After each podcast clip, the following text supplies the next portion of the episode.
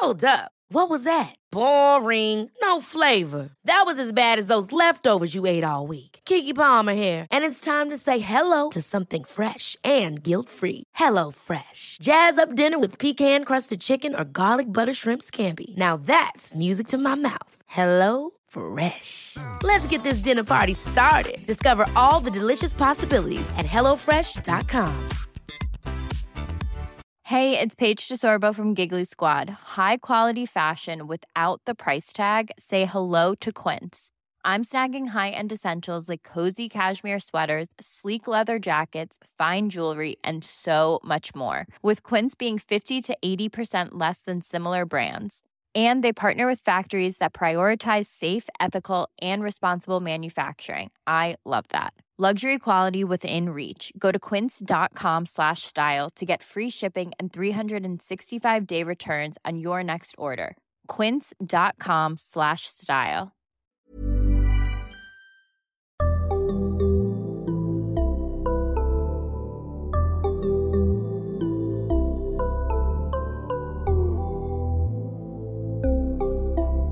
Barnpsykologerna. Welcome to our first international episode, an interview with Denny Borsboom, in which we discuss the future of research using the network approach to psychopathology with an emphasis on clinical applications of NS1 networks. But first, a brief introduction in Swedish.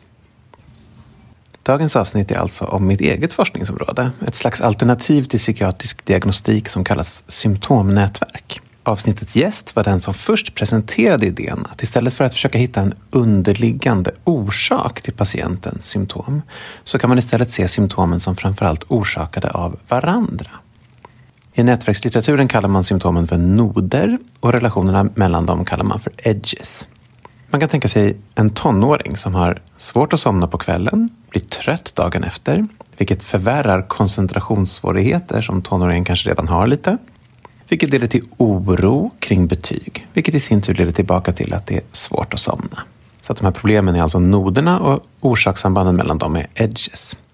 I det här exemplet så formade de en feedback-loop, alltså att det gick tillbaka igen till sömnbesvär, vilket vi kommer prata en del om i avsnittet. Naturligtvis är nätverken oftast mycket mer komplicerade än det här exemplet. Alltså de har både fler edges och de har också fler noder. Exakt hur en persons nätverk ser ut kan man undersöka med två metoder tidsserieanalys med hundratals skattningar av symptomen över flera veckors tid, en metod som också kallas för EMA. Eller självskattade orsakssamband som vi pratar en del om i intervjun, som kallas för PCR eller PECAN-metoder. Där P står för perceived, alltså vad patienten tror om orsakssambanden. Precis som i en vanlig fallkonceptualisering i KBT så är syftet att hitta ett sätt att bryta de här feedbacklooparna så att symptomen minskar. Skillnaden är att symptomnätverk är mer formaliserade och liksom skapas kvantitativt och inte på en whiteboard i ett terapirum. Förutom individer kan man också undersöka nätverk på gruppnivå eller populationsnätverk. Om man efter intervjun är nyfiken på att veta mer om studierna som pågår med de här metoderna, kolla gärna referenserna i avsnittsbeskrivningen, men det går också bra att höra av sig direkt till mig. Så, nu förflyttar vi oss till Amsterdams universitet.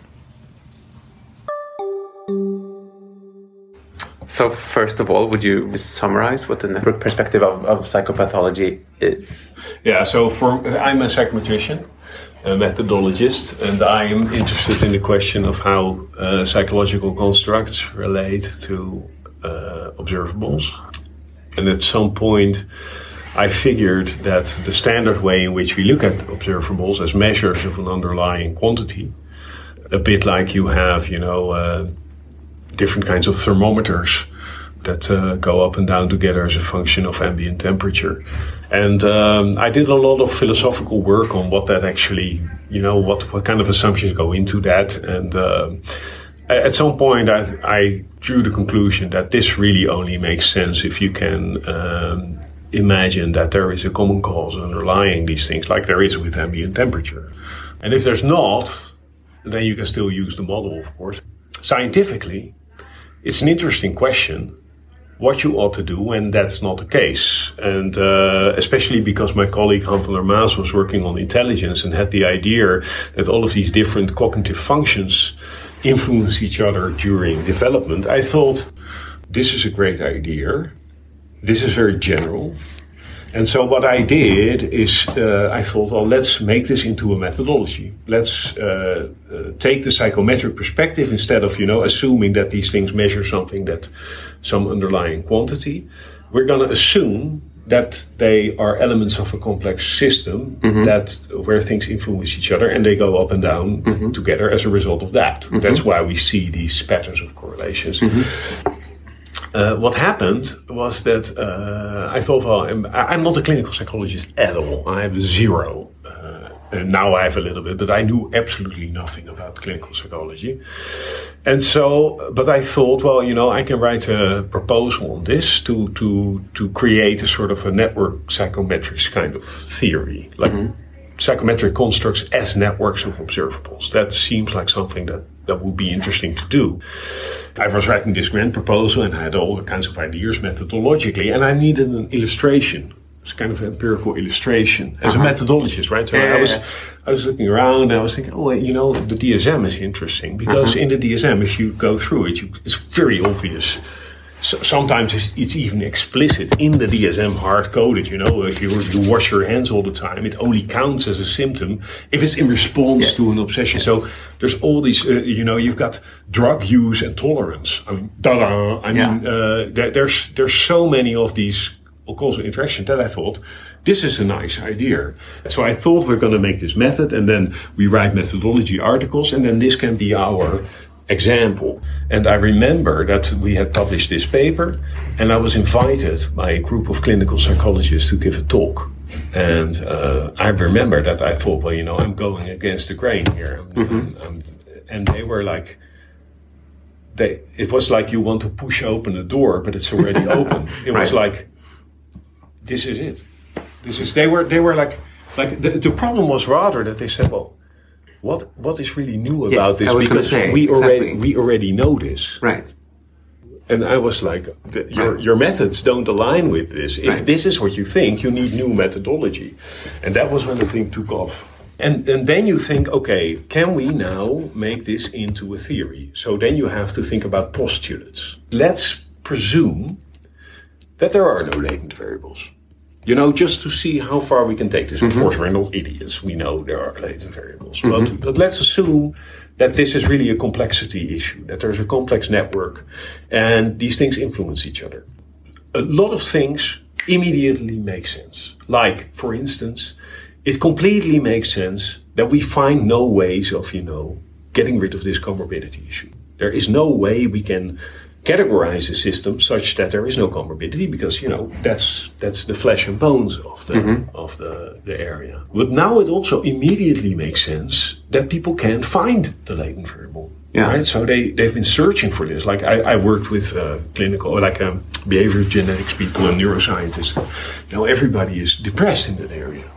Like, yeah, you know, Because they've been they doing it for hoped- 30 years and- yeah, yeah, you know, yeah, that was the yeah. time. The, the early 2000s was the time when you had GWAS for the first time, and people were really, hoping, like, for big hits in the genome Mm, and, and clear roots. You've got these people from.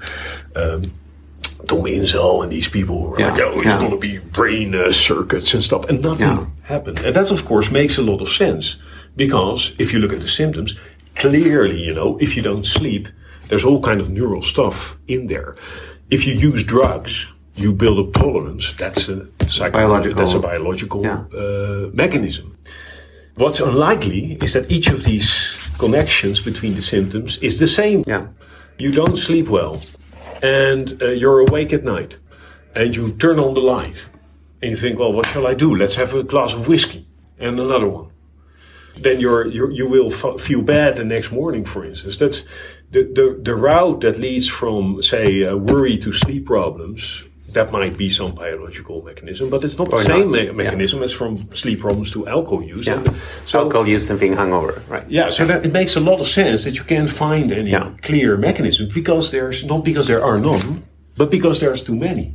And also, some of these mechanisms are not biological Right. at all. So the worrying one might not be, for instance. Worrying Yeah. leading to insomnia might not be yeah, or some some go via the environment. So one of my favorite examples is gambling. If I gamble, then I lose money. So gambling and debts are connected causally. There's absolutely zero question not a about it. biological It's not a biological mechanism. It's in the world. Right. Uh, if I am addicted to a substance that's illegal, I can get into contact with the police Right. and end up in jail. Right. This is also a clear causal mechanism. It's not like, you know, do we think there maybe there's a causal mechanism or maybe we should do a trial on this? No, we, it's evident that these mechanisms exist Yeah. and they're not biological. So immediately you understand why there is no clear biological signature. It's not because we don't have, you know, we need nine Tesla scanners or even deeper genome sequencing. It is because the construct isn't like that. But then, uh, then, then that's that's that's what the theory now is. So that's how I see the theory. The theory is uh, you've got a lot of uh, problems. These problems, uh, uh, if they don't get solved in time and they persist, they will start causing other problems. Uh, and these some of these problems are more strongly connected than others.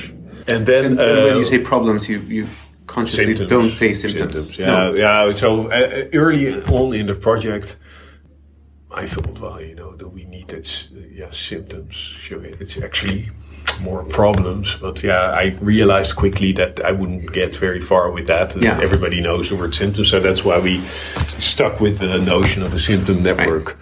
um, since it's become the, this big thing, what has like su- surprised you? Like once all the data starts coming in, and Yeah. how people start trying applying it. Yeah. What has been like the surprises? Well, or what are what are the stuff that you have learned? I did not know at the time whether what these networks would look like. And now we know they are generally quite densely connected with a lot of small effects. And actually, I had uh, anticipated that there would be much stronger architectures. Like fewer edges but stronger. Yeah, like strong edges between you know insomnia and fatigue and these kind of things. We don't see that. It's it's quite weak actually, and it's also quite flat. For instance, for depression, everything is sort of connected to everything else. Now you're talking about group level data though. Now I'm talking about group level, uh, the group level data, but we didn't know that. That we know that now. I, I, I did not anticipate that. Another thing I did not anticipate. I thought that we would find big differences between networks uh, in different samples, like for males and females, and uh, different different uh, groups, uh, different countries, etc., etc. It's quite robust in a sense that's boring. and uh, one of the things we didn't find really uh, was big differences in connectivity. Uh, and what also surprised me is when we started doing NS1 research uh, with the VAR models and all these kind of things, I also expected more clear results there. And there you see yeah, Again, there's- stronger edges. yeah, stronger edges, clearer. Uh, the only thing you see is that stronger edges lead to uh, more variance. So this, these are these are the things that I don't really understand. I still don't understand them. And it can also be because these VAR networks, all the time series stuff is super hard. It's, so the population networks are relatively under control. We know how they work. We know where the problems are. We know which kind of things they can do, which kind of things they can't do. We can uh, reasonably assess the robustness and the precision of these networks. But the NS1 case is really hard, and uh, I, I'm, I'm, there's a lot of noise Yeah. there, and it's it's uh, it's just very hard. But but imagine that the problem why we don't get that is because we just don't have the methodologies to get the correct data from individuals. Yeah, or because it's just you know I, No, and or, or yeah. you know I always say complexity is bad news. You know uh, we know complex systems. Yeah. We all do financial. So there's not going to be one symptom that you could just press on and then it's never complex systems are complex. Yeah, but that's going to be different for different patients, though. maybe um, Maybe. but I think that the silver bullet. It's, it's, it's more likely that we're that we've discovered that these things are really really complicated. Obviously, because the field is so new, there are going to be improvements in the methodologies that we use on the analysis side and on the collecting data side. Yeah, yeah. So that's that's really interesting. Uh, there's this concept of epistemic iteration. I don't know if you know that. There's a philosopher Hasok Chang, and he talks about um, how in the history of science new theoretical ideas lead to new methodologies that then, you know, give us new phenomena that lead to better theories. Mm-hmm. So that could be like inventing a new telescope or whatever. Exactly. Yeah. And so one of the things that I find really gratifying and interesting, and one of the most joyful things for me as a psychometrician, is that uh, this idea is leading to all kinds of, yeah, to really novel ways of of analyzing these things. So there is real methodological innovation. I mean, the PECAN method, I hmm. think, is one that's really different. It didn't exist before. It's now a thing. You've got the time series. Yeah, there's a lot of new material out there that, So- that hopefully will give us phenomena or, or novel insights that we can then bring back to the theory. So do you, do you imagine in your head is there like a to do list like these are this or like if you could prioritize if you had like a bunch of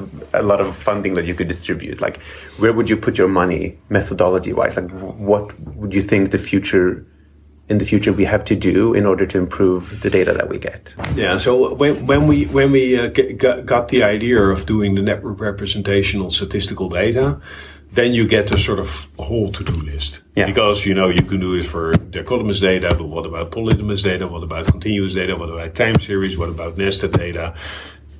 And so there's a whole that was obvious immediately. You can get group differences, tests, blah blah mm-hmm. blah, mm-hmm. centrality, different kinds of centrality, mm-hmm. uh, discussions about what is the best, etc., etc. That that was immediately obvious that you could that that, that was going to be, be rolled out, and I think that's happening obviously that's happening, and uh, it's not it it's it's a I don't think that will stop. But what I think, yeah, I think there are two really yeah things that we didn't do that we, and one is uh, better theory formation.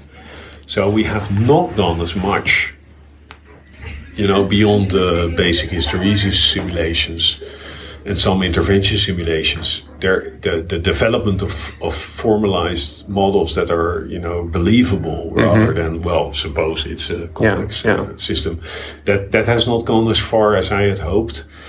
But it's that's that, so. That, I think that's really important. That that that that we get really believable. yeah like you said like that's kind of one of the selling points to clinicians is like we're going to do these simulations with your data Yeah, and because if you can do that, then you can also simulate the interventions. And I think that that is where the the potential payoff is. the clinical utility I mean. yeah. Yeah.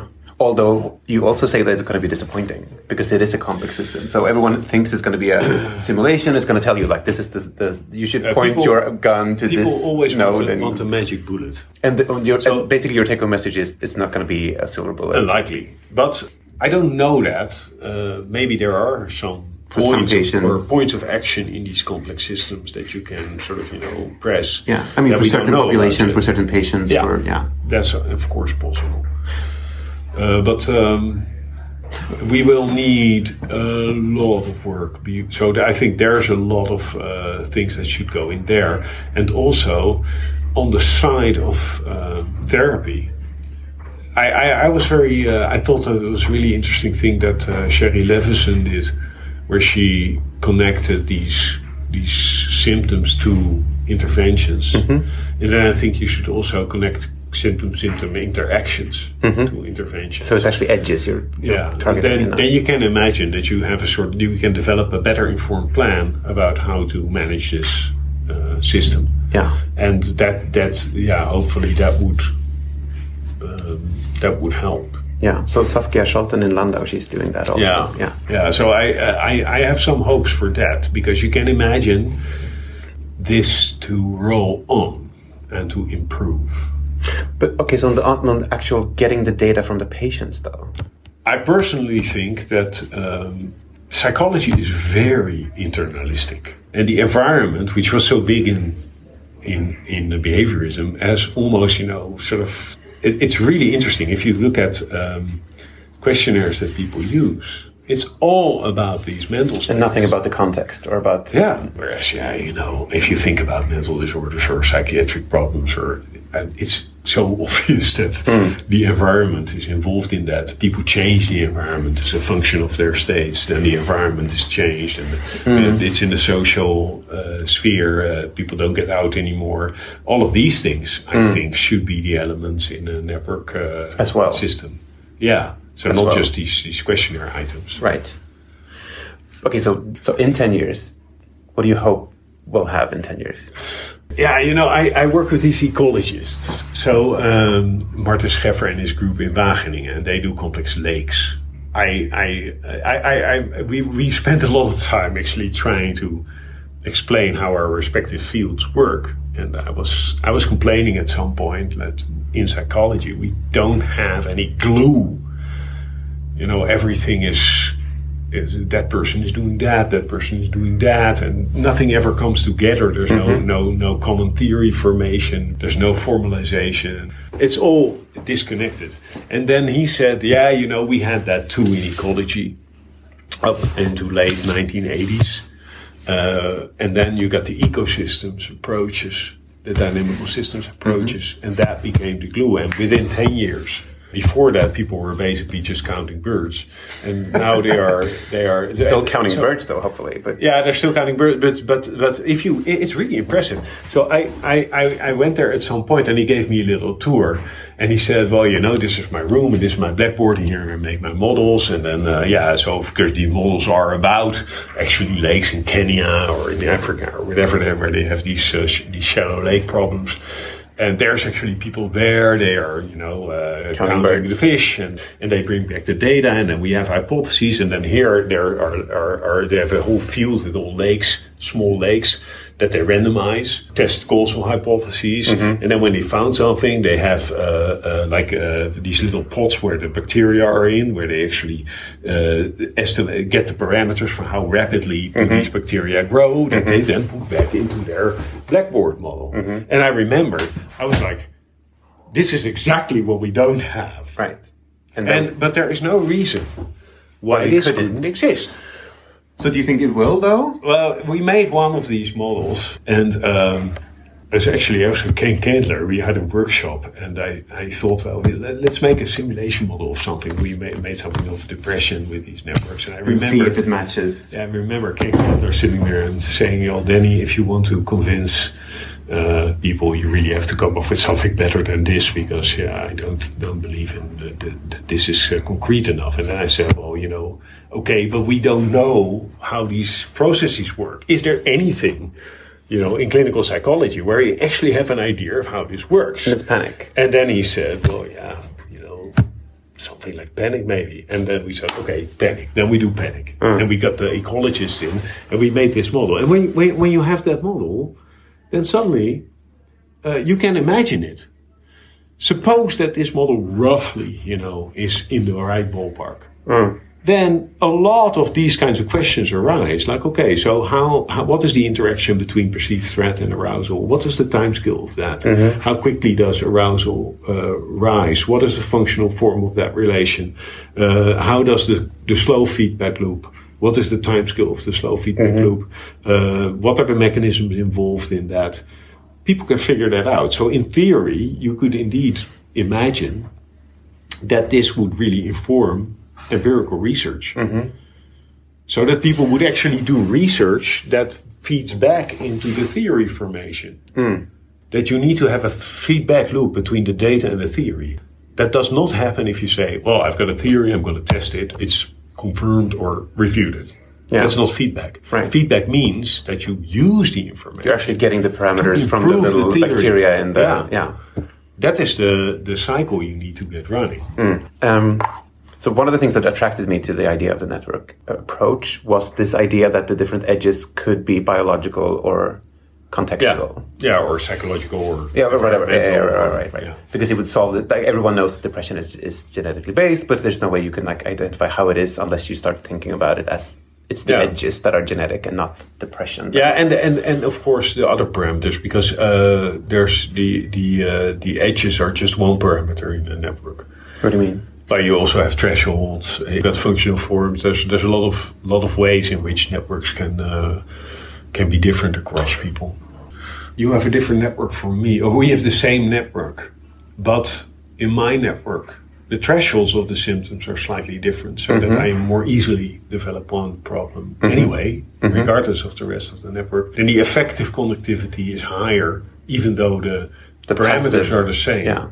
Just because uh, of the thresholds of the of the system, so this is this interacts in different ways. So there's many other parameters that can also Okay, so take something like that, the thresholds, because Yeah. those might be biological. Yeah, yeah, right? yeah, the, the connectivity, of course, also. Yeah, and it could also be like your learning history or whatever that Yeah. decides what the threshold is for the specific symptom, right? Yes, obviously.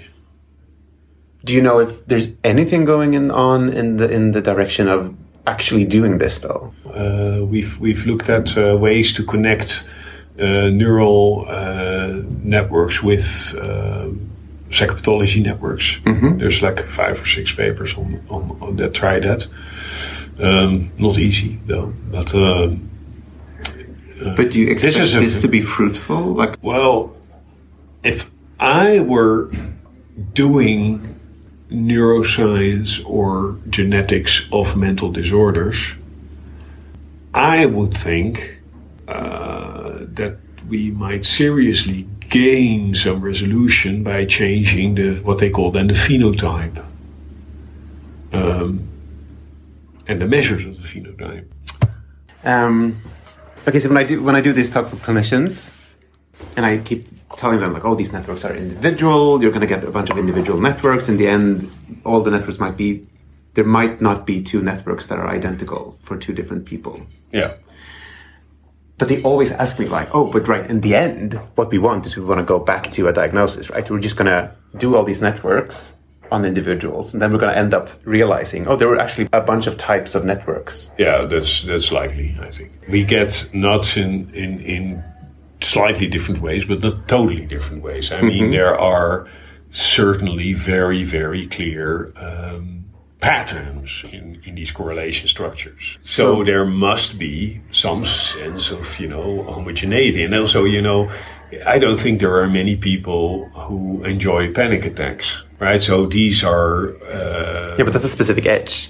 What- yeah, okay, but but I think there are certain dominant directions in these. In the, that's what I would expect. Or you know, people avoid things they are afraid of. I mean, these are these are these are.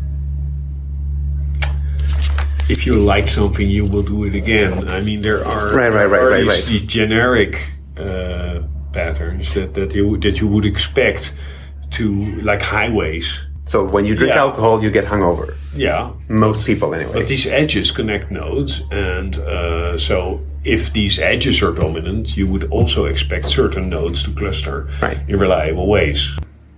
You, you could imagine, in the best possible case, uh, that you've amassed so much knowledge about how these systems operate and how people deviate from the general rules that you could sort of hook up a person's idiosyncratic profile with the you know the greatest common denominator of what we see and that you could sort of you know fuse these into a uh, a systems analysis of a person. Because you can't do that all for one person all from scratch because then you would need a whole science just to understand large. That's that won't work. So Mm-hmm. you would, there- there wait, wait, needs to sorry. So what you're sort of- saying is like we're, we're kind of sampling a little bit EMA, kind of like EMA Yeah. from this guy, and we're saying like based on other people that we've looked at, we, we expect the model to look like this for this guy. Yeah, and then uh, you could you could say, well, you have a uh, you're you're in this region of the alternative stable state, Mm-hmm. and this is why. You know the structure of the model is such that this must, and here we should change it Because we've done that. Can go back Because we did this with a bunch of other Yeah. people, and this is what we got. Yeah. They can do that in some cases. There are some cases of complex systems where this can be done. Like in uh, with the shallow lakes, they know they should catch all the fish, and then uh, the system the system often goes back to normal. Very con- counterintuitive operation, but uh, sometimes it sometimes you can come up with these kind of treatments. Um, you come to me, you have problems. Uh, we do a kind of you know anamnesis as we usually do, but but structured in a different way, namely in such a way that we can optimally inform your network model, and then uh, when we we've done that, hopefully we can understand why you have the problems that you do and what we can do about it. Like that would be like the ideal end point Yeah. of what we're doing. Yeah. So yeah, I also don't understand why people aren't just doing this. There's all talk about it, but you could you could just, you should just start. But isn't that what um, the eating disorder paper that you just mentioned? What's your name? Levinson. Yeah, that's that's the basic the basic the basic feedback loop is there. Yeah. You cannot hope to get all the network parameters from a time series. The VAR model is structurally incapable of picking up how changes in means change other means. I never quite understood where, why people jumped on the time series because it was quite obvious very quickly that these time series are basically very short and it's it's very uh, noisy and unstable, and uh, it, the model is structurally incapable of, of picking up all kinds of interesting things that you would want to pick up. So it's it's it doesn't seem like the. So I always thought that the self-report and getting closer to the case conceptualization, both, you know, is much closer to what people already do and the way they already think because people understand if I don't sleep I get tired and they also understand if I'm afraid I will walk away Right. even though the time scale is very different so Right. apparently people can do that so Yeah, but obviously there are other things that they don't understand. Like they don't understand if I drink for every day for three weeks in a row, I get anhedonia. Yeah. Like they don't understand. yeah and I've also in my own environment I've seen a case of a person who had very serious insomnia and who had not picked up on the fact that if you do a nap during the day Yeah. not necessarily a good idea Right, right. It so seems obvious to sometimes some people, people can see uh, Right. these these connections, even though they're they're they're they are clearly uh, present or in your face. Yeah, but uh, but I had actually expected that the PECAN kind of thing. That would be the biggest thing. And then people would use these VAR things maybe a bit on the side to inform some of the parameters of that thing. But instead of that, people go all out with the time series. But is that doable? Could you do something like that? Like do a, something like a PECAN network, obviously a better method, but something like the PECAN, Yeah. and then add to that network some time series for some of the edges, for instance, or like could you combine a PCR method with a time series and get like one network that has both? Yeah, that's what you should do. So what you need is you need a sort of base model of the organism. You need idiographic information about what kind of problem there are. The only way to do that is by asking people. So that would be something like a PECAN. And you need uh, a method of of of uh, assessing the parameters in that system, and that's where you could use the time series, and that you should put that together. But people in psychology, people want to always be, we say in Dutch, they want to be on the first row for a dime. Psychologists want the data analysis to do everything. And so they want just gather data, do an analysis, and that's it. But, but you re- we will really need to think much harder about, uh, that's what I think, about how to combine these sources of information we uh, I don't I never get how people that's what a bit of a letdown that people think that you know in such a case of a human you could just gather some data and be done on your own Yeah. with your computer Right. we will need a much more massive effort and that's where the future is going to be and now I need to go Very good.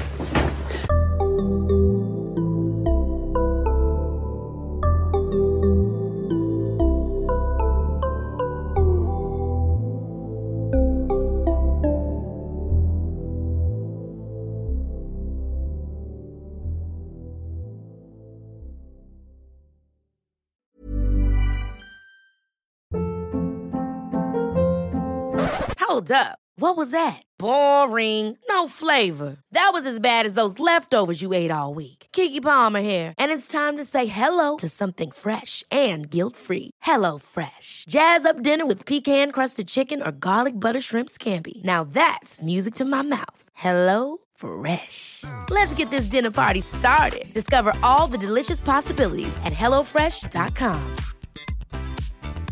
Mom deserves the best, and there's no better place to shop for Mother's Day than Whole Foods Market. They're your destination for unbeatable savings, from premium gifts to show-stopping flowers and irresistible desserts. Start by saving 33% with Prime on all body care and candles. Then get a 15-stem bunch of tulips for just $9.99 each with Prime. Round out Mom's menu with festive rosé, irresistible berry chantilly cake, and more special treats. Come celebrate Mother's Day at Whole Foods Market.